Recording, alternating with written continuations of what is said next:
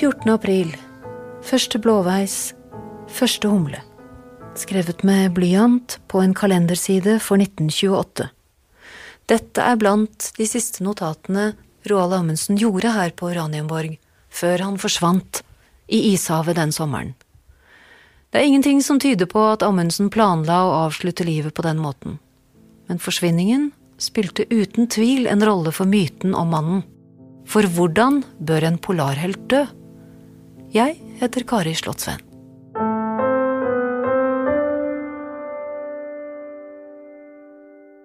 Det første Amundsen har notert i kalenderen, er fra 29. mars 1928. B 28. i tredje. Hva står B-en for? Trolig Bess, Amundsens siste kjærlighet. Elizabeth Maggids. De møttes første gang i 1922 om bord på skuta SS Victoria fra Seattle til Nome. There was a gray-haired gentleman on the deck there. I, later I went down for dinner and there was Roald Amundsen.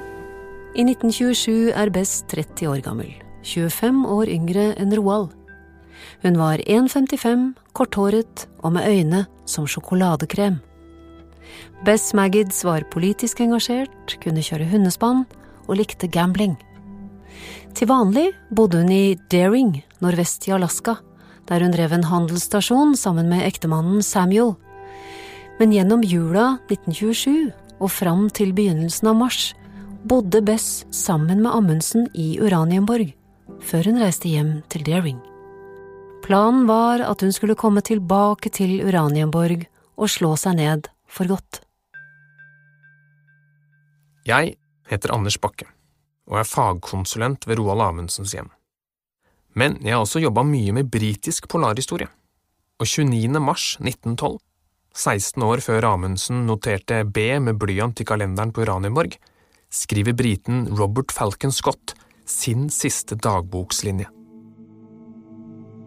Utslitt og iskald ligger Scott i teltet sitt i Antarktis. To måneder tidligere hadde de fem britene nådd Sydpolen, men bare for å oppdage at Amundsen hadde vært her først. De har allerede mistet to mann på vei tilbake fra polpunktet. Nå kjemper Scott, Wilson og Bowers for livet. Det blåser opp. Og bare 18 km unna et stort depot med mat og brensel setter de opp teltet sitt. De har ikke krefter til å gå videre. Etter ni dager i teltet tar Scott fram dagboka og skriver ned sine siste ord. Since the 21st, we have had a continuous gale from west southwest and southwest. We had fuel to make two cups of tea apiece and bear food for two days on the 20th. Every day we have been ready to start for our depot, 11 miles away. But outside the door of the tent it remains a scene of whirling drift. I do not think we can hope for any better things now. We shall stick it out to the end, but we are getting weaker, of course, and the end cannot be far. It seems a pity, but I do not think I can write more. R. Scott. For God's sake, look after our people.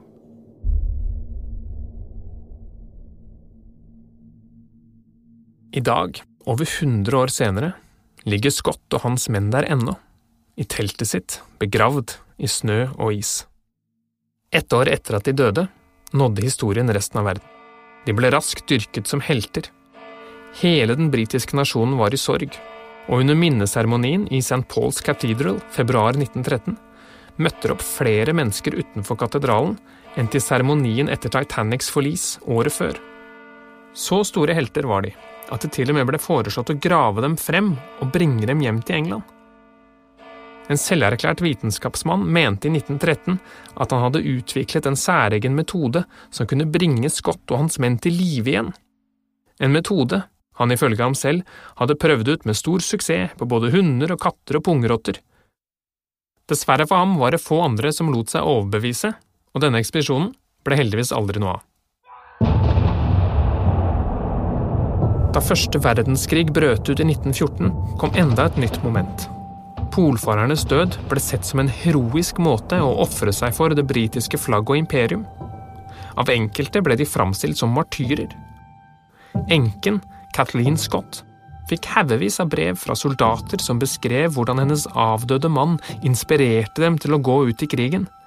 Og filmen som ble laget under ekspedisjonen, ble trykket opp i flere kopier og sendt ut til britiske soldater og offiserer som holdt til ved frontlinjen nede på kontinentet. Heltedyrkelsen rundt Scotts ekspedisjon ble senere både mer nyansert og diskutert. Men man kan jo alltids lure på om britene ble større helter ved at de omkom som de gjorde, enn om de skulle vendt levende hjem etter å ha nådd Sydpolen som nummer to. Neste notat i kalenderen er fra 3. april 1928. Fjordisen gikk opp klokken to. 8. april. Første sommerfugl. 9. april. Linerlen i dag har vært sett i grenden påskeaften, den syvende. Verden suser forbi Roald Amundsen der han sitter hjemme på Uranienborg. 14. april. Første blåveis. Første humle. 18. april. Utbygging av kjeller påbegynt. B. B for Bess igjen. Vi er ikke sikre på hvorfor Amundsen noterte disse B-ene i kalenderen. Men ifølge en gammel telefonregning fra Uranienborg er det tydelig at han og Bess hadde kontakt flere ganger denne våren. Så kanskje betyr B-en at de hadde prata sammen denne dagen? 26. april. Bird. Varm, deilig sommerdag. W setter i stand Birds sleder. Bird? Richard Evelyn Bird. Amerikansk polfarer som ledet flere ekspedisjoner til både Arktis og Antarktis. Og I 1928 ville han ned til Antarktis, og han søkte råd om is og utstyr hos Amundsen. Bird var den helten Amerika trengte på den tida. Han fikk haugevis av utmerkelser, og det ble flere ganger gitt store parader til ære for ham gjennom gatene i New York. Richard Bird ble en viktig figur i en tid der polare oppdagelser både hadde en politisk og nasjonal verdi. Bird ledet flere spektakulære ekspedisjoner, og han var en viktig pioner i utforskningen av polare strøk fra lufta. Men han var også kontroversiell. Det er blitt sagt at Bird egentlig var livredd under ekspedisjonene, og at han også sleit med alkoholmisbruk. Og han har også blitt tatt til inntekt for Hall of Earth-teorien, som går ut på at det finnes en verden på innsida av jordens overflate. Richard Bird avsluttet, til tross for et spektakulært, uordinært liv, sine dager mens han sov hjemme i Boston. Hjertet hans sluttet å slå, og Bird ble 68 år gammel. Selv polarhelter kan dø hjemme under dyna. Eller i sin egen lugar, W setter i stand Birds sleder. Noterte Amundsen. W er Oskar Wisting, en av Amundsens mest trofaste og betrodde ekspedisjonsmedarbeidere. Han var med Amundsen både til Nordpolen og Sydpolen, og var en av hans nærmeste venner. Wisting jobba hardt for at Polarskuta Fram skulle få sitt eget museum. Og i desember 1936, etter at Fram hadde blitt trukket opp på land på Bygdøy, overnatta han om bord i sin gamle lugar inne på Fram-museet. Og den natta døde Oskar Wisting. Han ble funnet morgenen etter, med et norsk ukeblad i hånda, oppslått på siden med tegneserien Knoll og Tott. 1. mai. De første birker utsprunget. 11. mai. Satt grønnsaker. 16. mai. Gjøken. Amundsen fortsetter å fylle kalenderen med små glimt av livet som surrer forbi utenfor vinduet. 56 år og selverklært pensjonist har han sagt at han har gjort sin siste polarekspedisjon. Han har ingen planer om nye turer opp i isødet. Tror han. 25. mai 1928 flyr luftskipet Italia over isen på vei fra Nordpolen. Sjef om bord er italieneren Umberto Nobile. Amundsen kjenner ham godt. De var sammen på luftskipet Norge to år tidligere, da de fløy over Polhavet. Forholdet mellom dem er imidlertid anstrengt, og Amundsen har brukt mye plass i sin siste bok på anklager mot og negative beskrivelser av Nobile. Denne maidagen i 1928 har Umberto Nobile helt andre ting å tenke på. Vinden er sterk, og ising utenpå luftskipet gjør at de mister høyde og kontroll over fartøyet.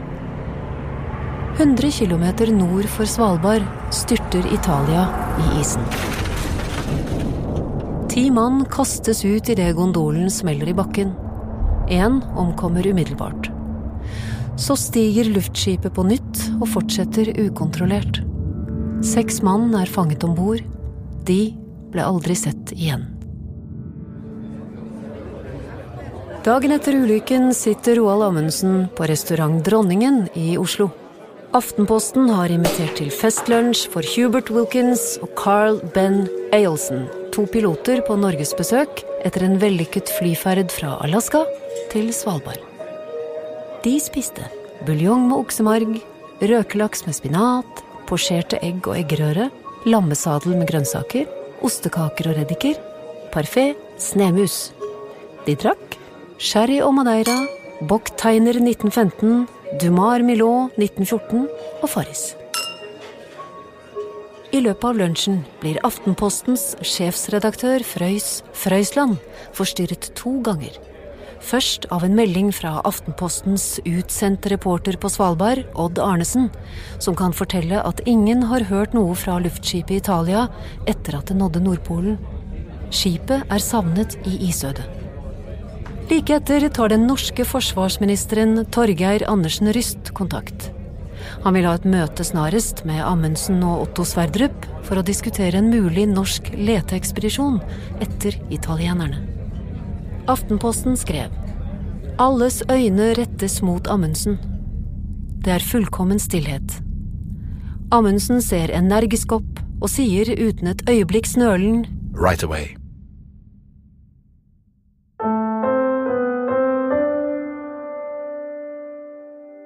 Noen dager senere er Amundsen hjemme på Uranienborg. Planen om en offisiell norsk redningsekspedisjon viste seg å være komplisert, og nå forsøker Amundsen selv å skaffe penger for å stable en egen ekspedisjon på beina. En italiensk journalist, herr Guidici, besøker Amundsen, og de snakker om Nobile, om isen og om døden. Og om de bare visste hvor storartet det er der oppe. Det er der jeg ønsker å dø, og jeg ønsker bare at døden vil komme til meg på en ridderlig måte, at de vil innhente meg under utførelsen av en stor oppgave, hurtig, uten lidelse.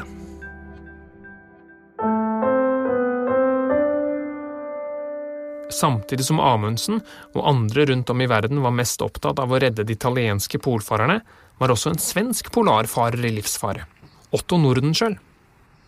Nordenskjöld var mest kjent for ekspedisjonen til Antarktis i 1901-1903, der skuta gikk ned og mannskapet måtte overvintre under svært krevende forhold. Nordenskjöld hadde vært i livsfare der ute i isen, men den siste maidagen i 1928 Like etter å ha forlatt sitt hjem i den ellers rolige Frølundagatan i Gøteborg, ble han overkjørt av en buss. To dager senere døde han av skadene. 5. juni 1928. Svalene bygger. 6. juni. Hassel død. 5.15 PM. Hassel hadde deltatt på flere polarekspedisjoner og var med Amundsen hele veien inn til Sydpolen 17 år tidligere. Denne junidagen derimot skal Sverre Hassel besøke sin gamle sjef. Hassel kommer til Uranienborg og blir møtt av Roalds bror Gustav. Roald selv sitter opptatt med arbeid, men skal komme så snart han er ferdig. Gustav og Sverre Hassel går ut i hagen, og det er der det skjer. Hassel får plutselig smerter i brystet og faller om på gresset. Gustav stormer inn til Roald. Hassel er død. Klokken er 5.15 pm.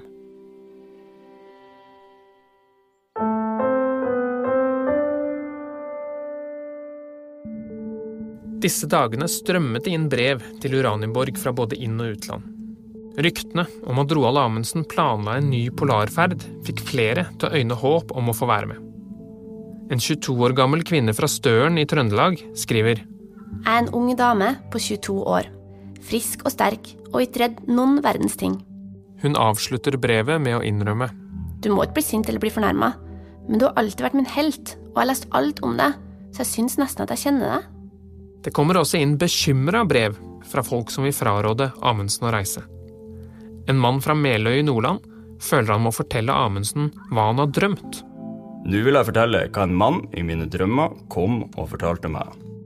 Han fortalte Amundsen med full besetning på en stålbeslått fembøring var seilt oppover for å gjøre redning av Nobile. Men ganske opp under isen skar båten seg full og sank med hele besetninga. Jeg er jo en enkel sjel og en helt fremmed person for dem, men jeg bestemte meg straks for å skrive og fortelle dem dette, og uttale ønske om at de ikke foretar turen. Vi vet ikke om Amundsen svarte på dette brevet, men mannen fra Meløy var nær på sanndrømt. 11. juni 1928 gjør Roald Amundsen sitt siste notat i kalenderen. Prentice, klokken tolv. Jug cord N4. Italias crew needs immediate assistance. Stop. Can get suitable plane, a best possible pilot, and fly there in very short time. Stop. I need $60,000. Will your friends finance this? RA. Det er et utkast for et telegram til Lincoln Ellsworth, Roalds amerikanske venn og støttespiller. Ellsworth hadde tilgang til mye penger og hadde tidligere vært med Amundsen på flyferder mot nord i både 1925 og 1926. Denne gangen kunne han ikke hjelpe. To dager senere skriver Aftenposten at Amundsens forsøk på å få med Ellsworth på en redningsekspedisjon ikke blir noe av. Amundsen blir hjemme. Det avisene ikke vet, er at Amundsen har fått en telefon fra den norske grossereren Fredrik Peterson i Frankrike. Han lurer på om Amundsen trenger et fly.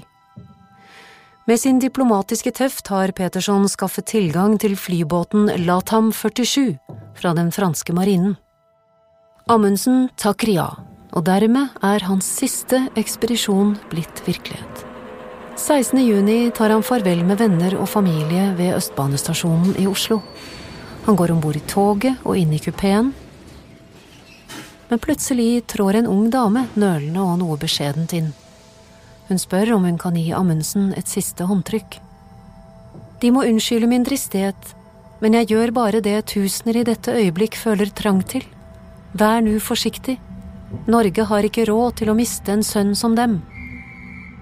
Sammen med Amundsen er Leif Didriksson den andre nordmannen om bord på Latam. I Bergen får de det første møtet med flyet og den franske besetningen. Amundsen uttaler til journalistene som har møtt frem. Potetene som skulle ha vært stelt hjemme på Svartskog, får vente så lenge. Mens det lager seg til et nytt kapittel til mitt liv som polarforsker. Her gjelder det at berge liv.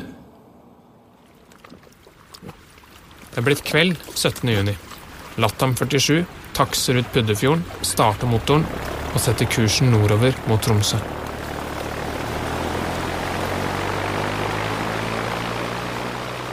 Det er mange som nå engasjerer seg for å redde Italias mannskap. Over 1000 mann med både skip, fly og hundespann. I løpet av juni blir det også fanget opp radiosignaler fra italienerne i isen. Det er håp. Når Latam lander i Tromsø 18. juni, ligger flere fly klare til å slå følge nordover. Men det er kun Latam som letter. Klokka 16.00 18. juni 1928. Fritz Gottlieb Zapfe, apoteker i Tromsø og en av Roald Amundsens nærmeste venner, var sammen med ham før avgang. Klokken halv fire om ettermiddagen kom Didriksson og meldte alt klart. Ja, så flyr vi, da, sa Amundsen. Vi satte flyveren om bord i Latam. Klokken fire startet maskinen, og vi vekslet til siste farvel. Klokka 17.40 mottar Ingøy radiostasjon på Måsøy på Finnmarkskysten et telegram fra Latam. Captain Amundsen aboard Latham 47 asked to have ice reports, if any. Et kvarter senere hører telegrafisten på Ingøy at Latham forsøker å anrope radioen i Longyearbyen, men der er det ingen som hører dem, og Latham får ikke noe svar. En time senere, 1845, overhører telegrafisten ved Geofysisk institutt i Tromsø en melding fra Latam. Dette er den siste sikre meldingen fra Amundsen og besetningen hans. Så går strømmen på instituttet, og er ikke tilbake før ved midnatt. Fem verdifulle timer der mannskapet kan ha sendt nødrop. Også en telegrafstasjon på Svalbard, Green Harbour, hevdet at de hørte et anrop fra Latam natt til 19. juni, men det var så svakt at de ikke oppfattet innholdet. De forsøkte flere ganger å anrope flyet for å få posisjonen, men fikk aldri noe svar. Harald Dag Gjølle, historiker ved Norsk Polarinstitutt i Tromsø, påpeker at Amundsen pleide å overraske. Var dette nok et påfunn? Det hadde vært så mange sånne her skiftende historier der Amundsen drar ut i isen, og så forsvinner han, eller gjør andre beslutninger enn det han egentlig hadde sagt. Altså, når han skulle nordover, så dro han til Sørpolen. I 1925 så, så, så, så var han alle var sikre, eller veldig mange var sikre på at han måtte jo ha havarert ikke helt på en flytur som skulle vare noen timer. Så, så går det tre uker før han plutselig dukker opp. Så dette med at Amundsen plutselig plopper opp, gjør jo at det var ingen som klarte å slå seg til ro med at, at han faktisk var eh, forsvunnet en plass mellom Tromsø og Bjørnøya. Håpet om at han plutselig skulle dukke opp, gjorde at, at, at, du fikk noe mystikk og noe drama. Du fikk jo en, innsamling. ikke vel, Du skulle samle til Roald Amundsens minne. Som, som ble, sånn, det var jo svære greier. Man hadde planla å bygge en, en, en statue av Amundsen i innseilinga til, til, til, Oslofjorden, som skulle ligge på en av holmene rett ut forbi bygda der. Og, og, Der står det erklært rett ut at, at forbildet på størrelsen her var jo, var jo var jo Frihetsgudinnen i New York. Det var liksom dimensjonene på dette. Sånn at den der forsvinninga rundt det der, at Amundsen gjør jo at, at, han, at han, han, fikk en, en, en ettermæle og en mystikk knyttet til som, som, gjør at han var større enn han kanskje ville blitt hvis han tilfeldigvis hadde bare blitt gammel og, og, og døde i sitt eget hjem på, på Svartskog. Så hva skjedde egentlig med Amundsen og de andre om bord i Latam? Det mangler ikke på teorier. I august 1928 mottok Amundsens slektninger et telegram fra en synsk, gammel kone i Budapest. Hun skrev at Amundsen og to andre menn var i live, og at de dreiv rundt på et isflak. Den synske ungareren hadde visstnok aldri tatt feil tidligere. Måneden etter trykket norske aviser nyheten om at en synsk mann i Praha mente at han kunne se Amundsen ligge i isen med bandasjerte bein, omringet av en gruppe folk, annet en høy skikkelse i uniform med en brennende sigarett i venstre hånd. Amundsen skal ha vært meget utmattet og tok seg ofte til hjertet, mente den synske sjekkeren, som også kunne fortelle at han til slutt ville bli reddet av en gruppe med russere på en båre bygget av plank. Gamlekjæresten til Roald Amundsen, henne som han kalte Kiss, mente at han var død. Hun kunne kjenne på seg hvordan han døde, en morgen da jeg nettopp dro på meg strømpene, hørte jeg tydelig hans stemme. Oh, Kiss, nå kommer den fryktelige dødskampen. I tre dager følte jeg hans nærvær i rommet, så nært at jeg kunne berørt ham. Så, plutselig, var det over. Jeg er sikker på at han døde en langsom død. Noen mener de har sett Amundsen i live. Andre mener de har sett et fly styrte i havet noen tror det har styrtet utenfor norskekysten, andre ved Bjørnøya. Eller kom de enda lenger nord? Kanskje traff de Italia-ekspedisjonen? Er det Amundsens ekspedisjon som har lagt inn spor etter en teltleir på Nordøstlandet på Svalbard? Eller var det hele et intrikat forsøk på å bli usynlig? Noen mener nemlig at Amundsen ble plukket opp av en fiskeskøyte og dro til Mexico, der han levde et hemmelig liv til langt ut på 50-tallet.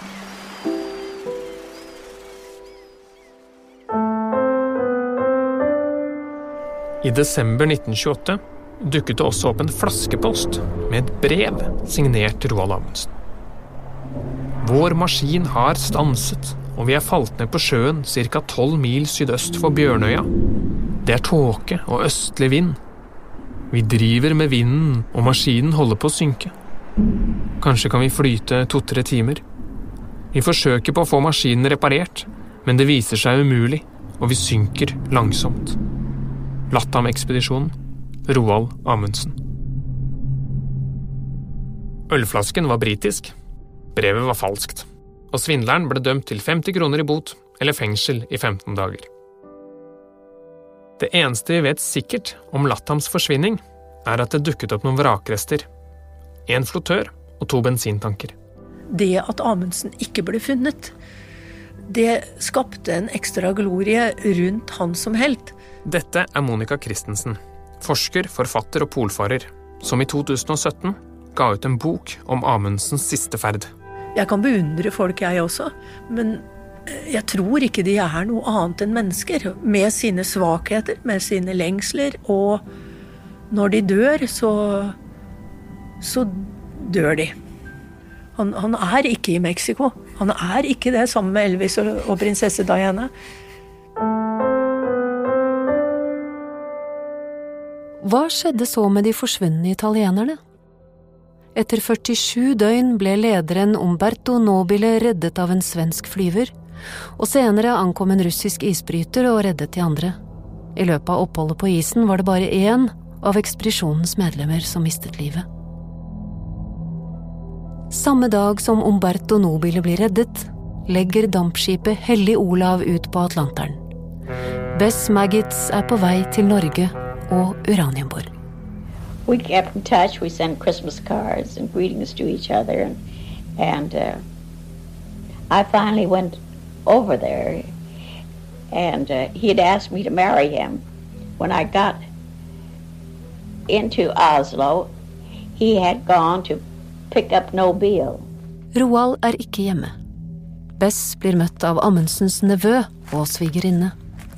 Hun bor noen dager i Uranienborg før hun tilbringer en ukes tid på et høyfjellshotell.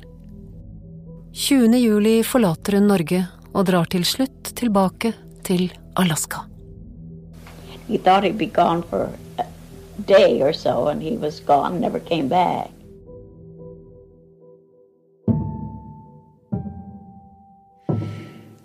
Desember 1928. Samme dato, 17 år tidligere, nådde Amundsen Sydpolen. Flaggene fires til halv stang, og alle landets skoleelever reiser seg idet kirkeklokkene kimer. I to minutter, fra klokken 12.00 til 12.02, står Norge stille for å minnes Roald Amundsen. Aftenposten skriver. Signalet. Alle hoder blottes, trikkene stopper. Kjøreren på sin arbeidsvogn tar luen av. Gatearbeideren stopper opp og minnes og varmes. En taus menneskeskare som bare har én tanke. Øyeblikk av betagende art. Nordensnoen merker ingen. Den gråhårede, lutende gamle mann tar sin skinnlue av. En tåre lister seg frem over mangt et kinn. Taushet. Absolutt stillhet råder over det hele. Enklere, verdigere kunne man neppe ha feiret vår polarforsker.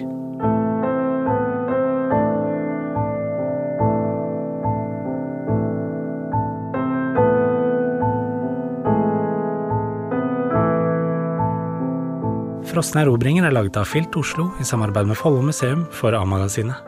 Redaktør er Lillian Vamheim. Reporter var Anders Bakke, Kari Slottsveen fortalte historien om Roald Amundsens siste dager. Terje Strømdal ga stemme til Scott og Amundsen. Ingrid Salvesen og Eirik Kolstad Kvale leste brevene. Lyddesigner er Christer Orreteg. Kjenningsmelodien er komponert av Daniel Daatland og Mina Karlsen. Øvrig musikk er komponert av Jens Fogner. Jeg heter Peter Daatland og er produsent.